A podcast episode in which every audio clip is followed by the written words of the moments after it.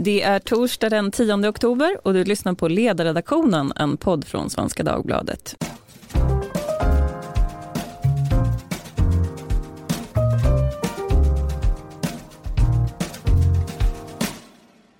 Jag heter Lydia Wåhlsten och idag ska vi prata om inget mindre än döden.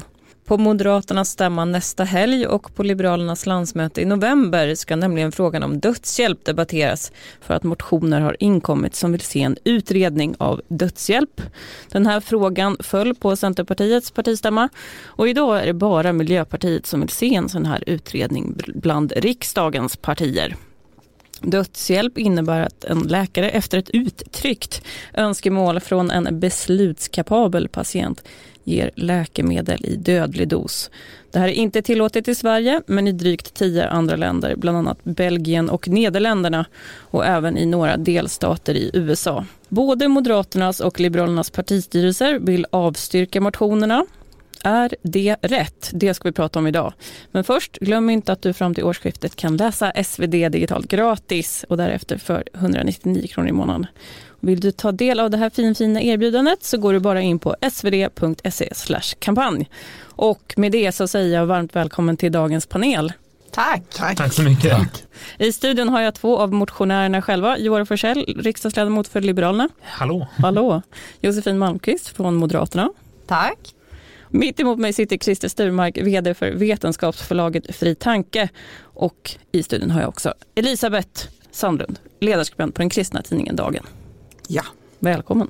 Tack. Jag tänkte att vi ska börja med dig Elisabeth. Du är kritisk till dödshjälp. Varför? Ja, det finns många skäl till det men, men eh, det stora argumentet är ju att alla de länder där man har sett att det har införts eh, i någon slags behjärtansvärt syfte att människor som är väldigt, väldigt svårt sjuka alldeles i livets slutskede ska slippa othärdliga smärtor så har det urartat mycket, mycket snabbt. Eh, ett exempel är till exempel Kanada som införde eh, dödshjälp rätt nyligen. Det har gått jättefort. Man har fått otroligt många flera eh, som man då avlivar om jag ska uttrycka mig rått än vad man hade räknat med. Man sparar mycket pengar på detta och man har hamnat långt ner på det sluttande planet mycket snabbt. Det är väldigt svårt att, att hantera den här frågan på ett, på ett bra sätt. Så det, det, är ett argument att, att det går liksom inte att hålla i ordnade former. Sen finns ju det, det större principiella argumentet eh, som jag som krist, för mig som kristen är det självklart men det är också självklart för många andra människor. Det här är inte en kristen diskussion även om många kristna är emot dödshjälp, andra är för. Men för mig är det så att människan är skapad med fri vilja. Det är så men det finns faktiskt saker här i livet vi inte kan, ska och kan välja själv. Och en av dem är eh, när vi dör att, att dö. Det är inte någonting vi väljer, lika lite som vi väljer att födas. Och så finns det ett tredje skäl. Eh, dödshjälp, det är inte olagligt i Sverige att begå självmord. Eh, dödshjälp gör att jag som person kräver att en annan person faktiskt ska ta mitt liv en läkare. Hur ska man hantera det? Vi ska ju då, tycker de flesta, inte ha samvetsfrihet i vården. Eh, inför vi dödshjälp i Sverige, vad ska vi göra med de läkare som säger det där kan inte jag tänka mig, det strider mot min läkared. Eh, då får vi samvetsfrihet, eh, vilket vore i sig väldigt gott, men det är det enda goda som skulle komma ut av dödshjälp. Mm. Jag tänkte att vi ska prata om eh, den här modellen då, Oregon-modellen som diskuteras.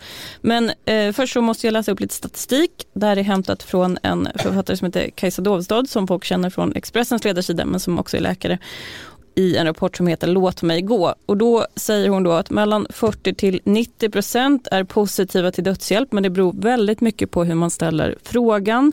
Formuleras den då som att dödshjälp ska vara möjligt för terminalt sjuka, alltså personer som inte har någon chans att överleva och som också är förmögna att fatta sina egna beslut, då ökar andelen positiva svar. Och att Sverige har bland de högst, högst andel positiva i hela Europa faktiskt. Om de här siffrorna stämmer, hur förklarar du att så många anser att det är rätt? Är vi bara för okristna?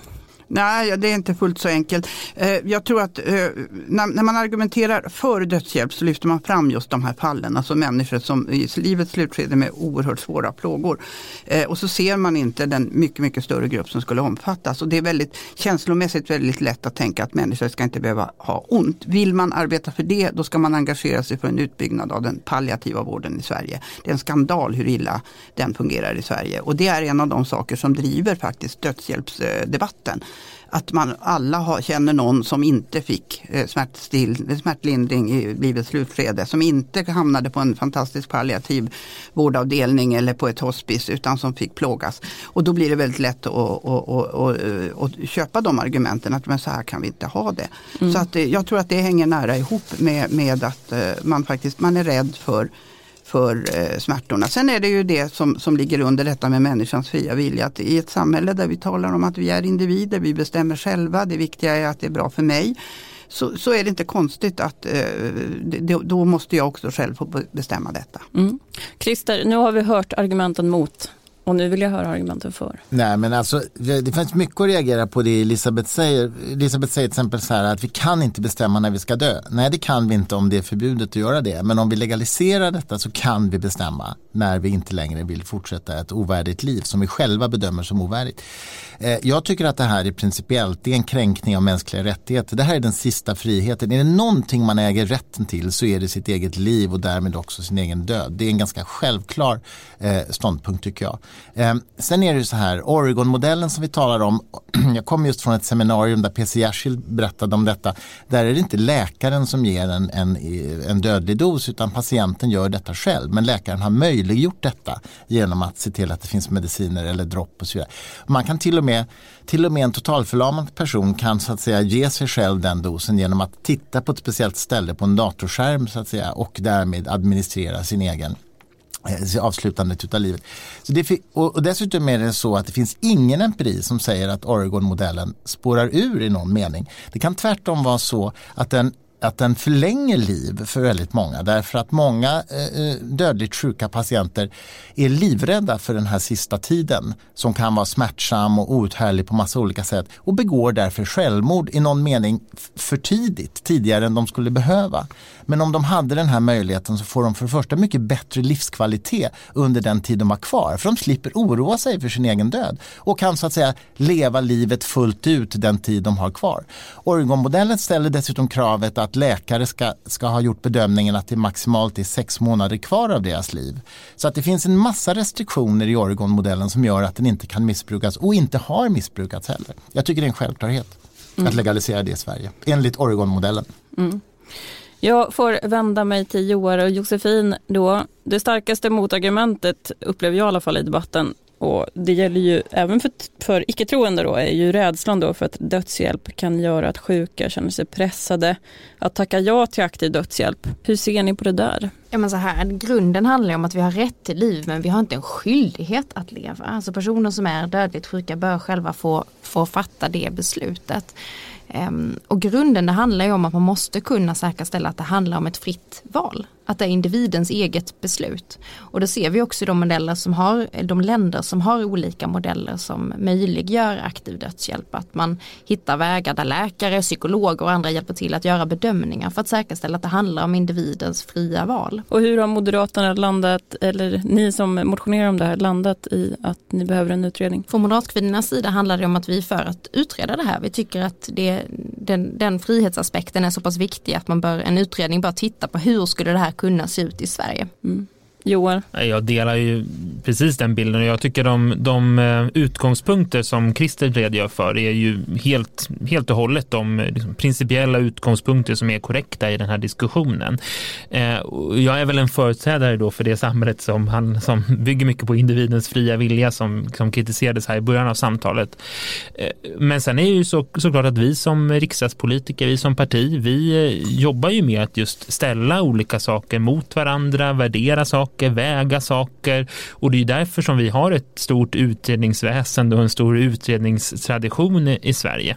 Eh, så det är ju inte konstigare än att vi pekar ut en riktning, en politisk riktning som, som är precis enligt de principer som har redogjorts här tidigare, att människor har rätt att bestämma över sitt eget liv och över eh, sitt, eget, sitt egna avslutet på livet. Eh, och då kan det vara så att man behöver ställa saker mot varandra, behöver väga saker mot varandra och ett sätt att göra det är ju att göra det enligt Oregon-modellen och där har vi landat att det är den modellen som man borde utreda helt enkelt. Mm, Okej, okay, så det är specifikt den modellen. Men Elisabeth, eh, Statens medicinsk-etiska råd SMER har länge sagt att man borde utreda den här frågan om dödshjälp. En anledning till det är att det skiljer sig väldigt mycket i praxis och rutiner mellan olika sjukhus och regioner idag. Vore det så farligt med en sån här utredning? Alltså dödshjälp förekommer ju ingenstans. Alltså man måste ju skilja på att människor får, där livet går mot sitt slut inte utsätts för så att säga onödiga plågor för att man ska hålla dem vid liv. Och där finns det ju all anledning att se över vad är det när genomförs sådana här brytpunktssamtal, alltså det är det samtal som en läkare ska ha med en patient när man säger att nu är, vi kan inte göra mer för dig nu, vi kan bara lindra dina smärtor. Och så talar man om vad ska vi göra om du får ett hjärtstopp, vill du bli lagd i respirator och så vidare? Och så får patienten faktiskt avgöra och säga att nej, jag jag inser att mitt liv håller på att ta slut och jag vill inte och jag vill kanske till och med bli sövd för att slippa plågor och så vidare. Det är en sån sak som man definitivt borde se över och se till att det finns över hela landet ungefär samma regler. Eh, farligt att utreda, ja, det beror ju på vad utredningen kommer fram till och, och, det är klart att något annat än en utredning kan ju knappast riksdagen besluta om. Man kan ju inte klubba rakt av att, att nu ska vi ha dödshjälp i Sverige. Men med tanke på att det då eh, är så, det finns en sån undervegetation av argument så, så är jag orolig. Även för jag tycker att även en utredning är oroande. Och det finns ingen anledning att gå ifrån den hållning som alla riksdagspartier utom ett har. Eh, nämligen att det här är ingenting vi ska ha i Sverige. Sen måste jag få säga om Oregon-modellen, det låter så fantastiskt bra när, ni, när, när Christer beskriver den. Eh, låt, oss ta det här, låt oss ta det här med sex månader. Det finns ingen läkare i världen som kan säga till en patient du har sex månader kvar att leva. Vad läkaren kan säga till patienten är i genomsnitt människor som är i din fas av din sjukdom lever i sex månader. Du kan dö om en vecka, du kan leva i tre år. Jag har en vän som har en hustru som fick just en sån dödsdom för nu är det väl fyra år sedan. Eh, vi tror inte att du kommer att leva mer än sex månader. Eh, hon lever fortfarande. Hon är svårt sjuk och hon behöver mycket hjälp och mycket smärtlindring. Han sa till mig, om Oregon-modellen hade funnits i Sverige och hon hade fått ett sånt här dödspiller utskrivet, då hade inte hon levt idag. Nej, men, vänta, eh, Därför stopp. att hon, hon hade kunnat få det för att hon har bara sex månader men, kvar. Men bara, om det är principiellt bara att det är sex månader som du, min mor har precis gått bort i cancer så jag tänkte ta upp det fallet och även om det är eh, från mitt eget liv, just det här kring eh, eh, vård i livets slutskede och vad som händer då. För mm. det är ju inget vackert. Det är ju, döden är inte vacker. Och hon var dessutom djupt troende så hon hade en massa funderingar på det där också mm. innan det begav sig.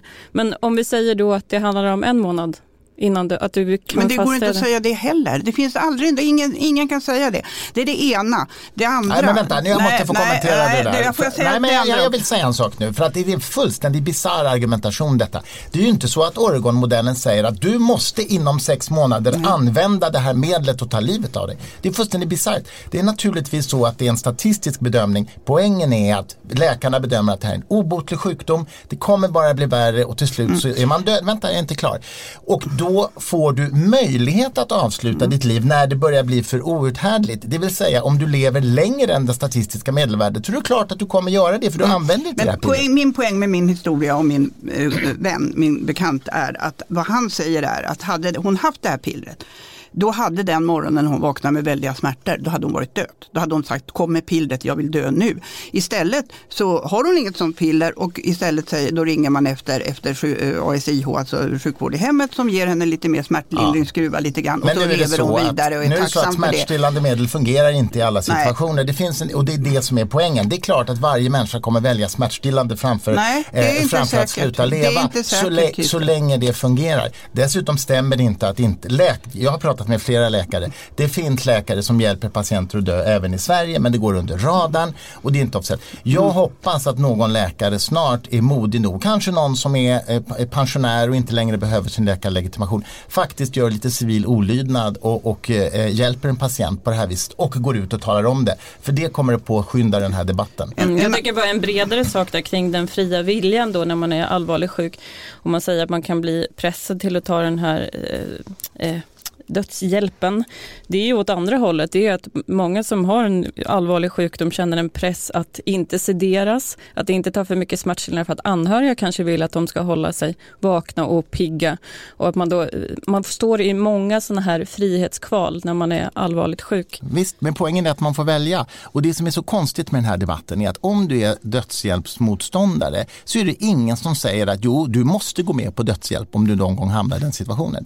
Poängen är att Dödshjälpsmotståndaren ska inte få förvägra mig rätten att, att besluta om mitt eget liv.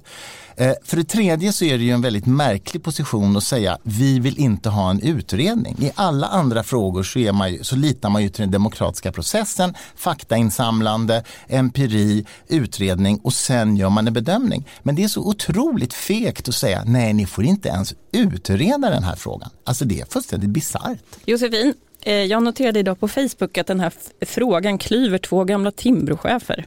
Den ena är Cecilia Stegö Chilot som eh, också var kulturminister en sväng. Hon skrev så här, vi skonar våra husdjur från lidande, men människoliv får inte förkortas och vi får inte bestämma själva. Självklart är det här en frihetsfråga och en stor sån, om man inte är ung och odödlig förstås.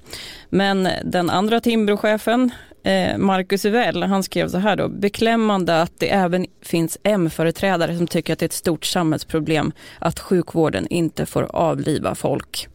Vad säger du till dem som tycker att det här är en väldigt perifer fråga att driva? Det här kanske inte är ett jättestort samhällsproblem men det här är ju en viktig frihetsfråga. Mm. Det handlar ju om möjligheten, rätten att få fatta beslut om sitt eget liv. Och den rätten måste vi stå upp för. Vad säger du om Elisabeths kritik då kring påtryckningar mot slutet? Så här, jag tror att man, man behöver, eh, vi behöver säkerställa det, det en utredning måste titta på. Att det här handlar ju om eh, att det är en fri vilja, att det är individens eget beslut som ligger till grund för det här. Det är en, en viktig grundförutsättning. Sen måste vi såklart väga, jag menar Oregon som har nämnts här som ett exempel, där tycker jag det är ganska tydligt. Där har de ju skrivit ut fler sådana här tabletter än personer har faktiskt valt att ta sitt liv. Det vill säga när personen har fått de här tabletterna utskrivna mm. så skänker det i sig en frihetskänsla. Exakt. En möjlighet mm. att mm. faktiskt själv fatta det här beslutet. De flesta dagen. använder aldrig dem. Nej, precis. Mm. Och det i sig visar ju att det handlar om, om möjligheten att fatta det här beslutet som är det viktiga. Inte kanske att sen faktiskt fullborda det. Sen vill jag också lägga till att det, det finns ju inget motsatsförhållande mellan det här och den palliativa vården. Det är klart att vi måste prioritera upp den palliativa vården i Sverige. Alla alla människor har rätt till ett värdigt avslut i livet. Men oavsett hur mycket kramar, kärlek, smärtstillande tabletter som man kan tillhandahålla så kommer det aldrig kunna ersätta den fria viljan, rätten att faktiskt kunna fatta det här beslutet själv. Det är helt centralt. Mm. Elisabeth? Hur, hur, tänker ni, det, jag vet inte, jag har inte läst motionerna, men hur tänker ni kring läkarna och deras eh, fria vilja? Att eh, medverka eller inte medverka. I, i Kanada var det en läkare som vägrade en kvinna eh, just att, att få, få, akti- eller få dödshjälp eh, därför att han ansåg inte att hon var, var dödligt sjuk. Hon hade artros som kan vara nog så smärtsamt men ingenting man dör av. Eh, och han blev alltså dömd i domstol med argumentet att ja men kvinna, det var, och det fanns absolut inget som sa att hon skulle avlida inom sex månader eller tolv månader eller ens två år. Men eh, domstolen slog fast att jo men hon måste kunna få piller utskrivna utskrivna av den här läkaren därför att hon är ju 74 vill jag minnas att hon var så att hon ska ju ändå snart dö så att det är väl bra. Alltså hur, hur tänker ni kring vilken roll ska vården spela i detta? Det finns ju faktiskt dödshjälpsförespråkare som säger att det här ska inte skötas inom sjukvården. Det här militären har ju en eh, rätt att ta livet av folk. Det är kanske de som ska sköta det. Så långt vill jag inte gå men jag har hört argumentet. Det är helt bisarrt. Ja det är bisarrt. Jag håller med om det. Men, men tänk tanken. Ja, men hur ska, man, hur, hur ska man ordna det inom vården? Det är en seriös fråga. Jag måste komma in här då. Det, det, det är klart att det där är ju praktiska problem som går att lösa. Det går att lösa genom att man har en extra påbyggnadsutbildning för de läkare som, som vill utföra det här. För att, man, för att de tycker att det är viktigt att eh, se till att vi minskar lidande och att ge människor ett värdigt avslut. Man kan lösa det genom att det framgår tydligt när man tar sin anställning på, ju, hos just den, eh, på just den kliniken eller just den enheten där det här ska utföras.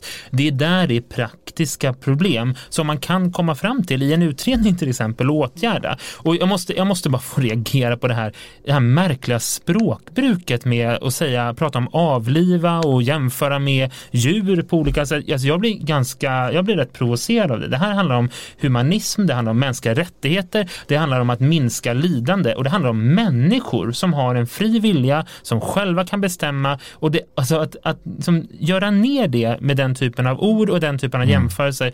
Jag tycker det är rätt provocerande. Det här det handlar om humanism och det handlar om om värdighet och mänskliga rättigheter. Nu var det ju faktiskt en dödshjälpsförespråkare som använde liknelsen ja, Det spelar djur. faktiskt ingen roll för mig. Jag, och det handlade ju då om att eh, vi avlivar djur ja. just för att minska deras lidande. Jag, först, jag förstod man... det, men jag tycker att båda sidor här får lugna ner sig lite och se att det här handlar om mänskliga rättigheter och man kan inte prata om att avliva människor. Jag tycker det är Nej. obehagligt. Det här handlar om att ge människor chans till ett värdigt livsslut på deras egna villkor. Och som sagt, Oregon-modellen så är det inte läkarna som administrerar preparaten. Oregonmodellen har varit i kraft i över 20 år. Det finns empiri, jättemycket data kring det här. Det finns inga tecken på några sluttande plan eller några missbruk.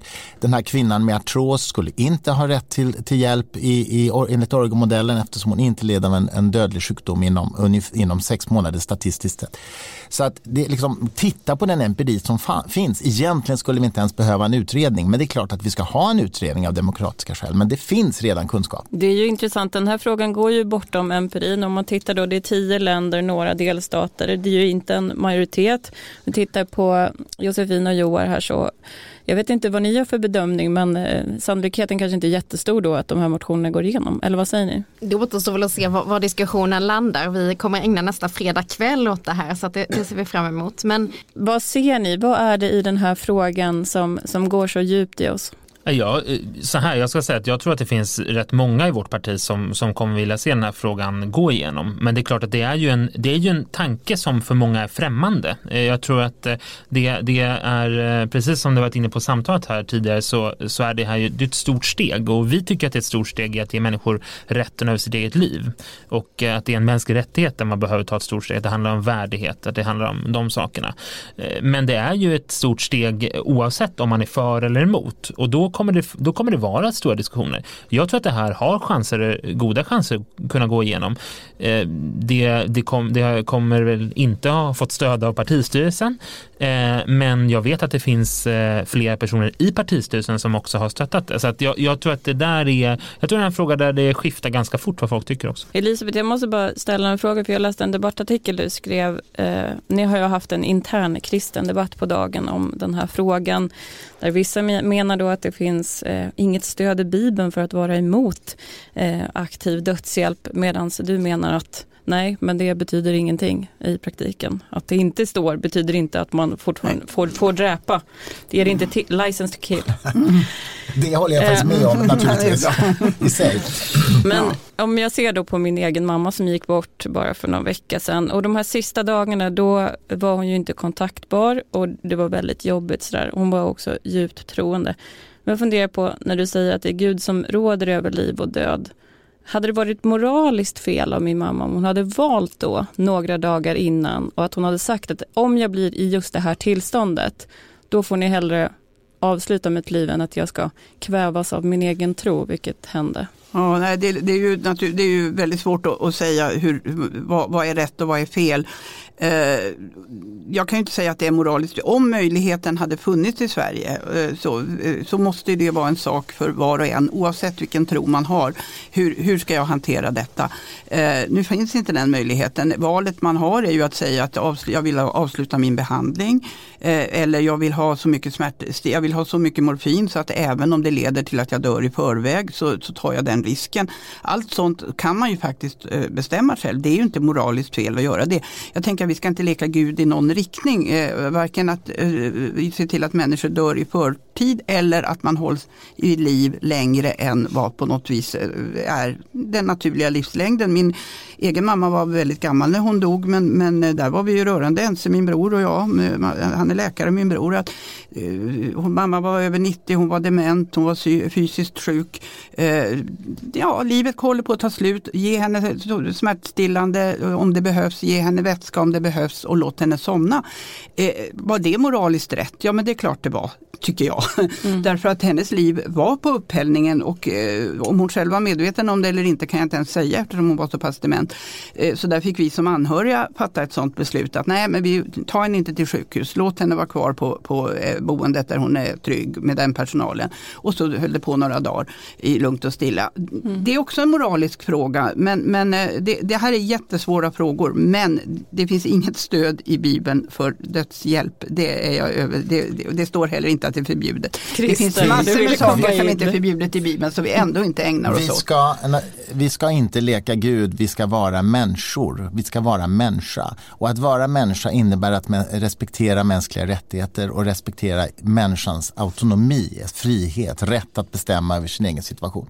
Och du frågade tidigare, vad tror vi att skälet är till att det ändå finns, att det här är en så känslomässigt engagerande fråga.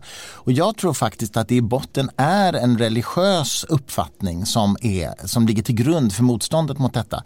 Även hos en del sekulära debattörer som inte hänvisar till religiösa argument. Jag tror att det är en slags kvasireligiös känsla av någon slags livets helighet, vi får inte mecka med detta och så vidare. Och så vidare vilket jag alltså tycker är helt fel. Det är samma skäl som att eh, eh den här eh, GMO-motståndet mot genmodifierade grödor trots att 200 000 barn om året räddas synen på med hjälp av Golden Rice till exempel så finns det ju väldigt starkt och det är också en slags kvasireligiös argumentation att vi får inte mecka med naturen och det tror jag är det så att säga, emotionella skälet till att det finns ett, ett motstånd. Vi ska inte glömma att en majoritet av svenska folket ändå bejakar detta. Jag vet, jag kommer just från ett seminarium, en doktorand som håller på med palliativ vård säger att Eh, ju närmare patienten man är i den palliativa vården desto fler är för en legalisering enligt Oregon-modellen. Och man faktiskt ser lidandet, man ser skräcken för att kunna dö på ett okontrollerat, eller att behöva dö på ett okontrollerat sätt.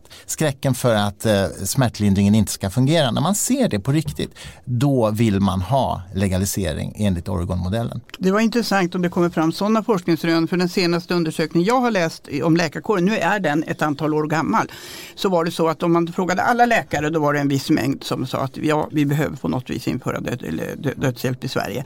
Eh, men om man sen delade upp läkarna efter hur nära de normalt sett var eh, patienter med dödliga sjukdomar så visade det sig att det var precis tvärtom. Fast läkare är sällan nära patienterna. Jag talar om sjuksköterskorna, de som jobbar med ja, patienterna. Fast läkare i palliativ vård är nog ganska nära sina patienter. Inte lika nära som dem. Vi kommer kanske inte komma överens i podden idag. Det, Nej, det är väl bra det tänkte jag säga. Och jag skulle bara säga att livet är heligt. Det spelar ingen roll om vi hur Nej, många gånger är livet är heligt. Nej, livet är inte heligt. Hörrni, jag har en sista fråga till er. Jag ska säga också att det finns ju då, den här Kajsa Dovstan som jag hänvisar till, hon skisserar ju då på ett licenssystem för läkare. Så att man skulle kunna då få samvetsfrihet för de flesta så att säga, medan vissa har valt att bli dödsänglar. Och många agerar ju redan dödsänglar, även om det inte är reglerat. Hon är ju läkare själv också, så hon har väl visst sig kanske. Det finns ju ett antal läkare som driver det, men Läkarförbundet är ju emot. Ja, min sista fråga är så här. Tror ni att dödshjälp någon gång kommer att bli tillåtet i Sverige, ja eller nej? Vi har, är ju ett land som brukar ta olika ställningstaganden som kanske betraktas som radikala. Ja, ja eller nej? Ja, det kommer det. Ja, det tror jag. Tveklöst. Jag tittar bara på hur det var med hjärndödsbegreppet för ett, var det 30 år sedan? Jätte jättemycket känslor väckte detta. Idag är det en fullständig självklarhet för i stort sett alla människor att man tillämpar det eh, dödsbegreppet. Vad är hjärndöd för någonting? Ja, tidigare innan detta så, så kunde man inte dödförklara en person om inte hjärtat hade slutat slå så att säga. Nu kan man dödförklara en person om hjärnan inte längre har något, om hjärnan har dött, mm. då anses personen död även om hjärtat slår. Vilket möjliggör transplanta organdonationer mm. och annat. Så det, det, var, det, är väldigt viktigt. Beslut. Men det var stort motstånd från ja, religiöst var, håll mot detta, oerhört stort motstånd. Det var nog inte bara från religiöst håll. Jag, Nej, tror, jag, håll, tror inte att, jag tror inte att dödshjälp kommer att införas i Sverige. Inte ens om det nu skulle bli så att det blir en riksdagsmajoritet för en utredning. För det här skär ju igenom alla partier. Alltså Miljöpartiet är för men sen finns det ju så vitt jag vet i alla andra partier i riksdagen ledamöter som jobbar aktivt för att få till stånd eh, dödshjälp. Och skulle det bli så att det blir en utredning så tror jag ändå inte att det kommer att Inom införas. tio år har vi Oregon-modellen. Men, men, då är det väl inte så farligt med en utredning för dig heller? Nej, precis. Det är onödigt. Utred den palliativa vården. Utred och se till att den blir lika över hela. Nu för att du är rädd för vad de kommer fram till? Nej, därför, det att det, det, är onödigt att utreda någonting som ändå inte ska genomföras. Det ena utesluter ju inte det andra. Vi måste ha värdig palliativ vård men också ge ge den enskilde ett fritt val att fatta beslut om Verkligen. sitt eget liv. Hörni, stort tack för idag. Josefin, det ska bli spännande att höra debatten. Jag antar att det blir debatt i kammaren där borta. Det blir debatt i kammaren fredag kväll från klockan 19.00. Perfekt fredagsunderhållning. Ja, ja, ja. Tune in. Bra till Tack och myset. Eh, stort tack då till Josefin Malmqvist från Moderaterna, Joar Forsell från Liberalerna, Elisabeth Sandlund från Dagen och även till Christer Sturmark från Fri Tanke förlag. Ni som har lyssnat idag, hör gärna av er med era åsikter på ledarsidan svd.se. Tack för idag.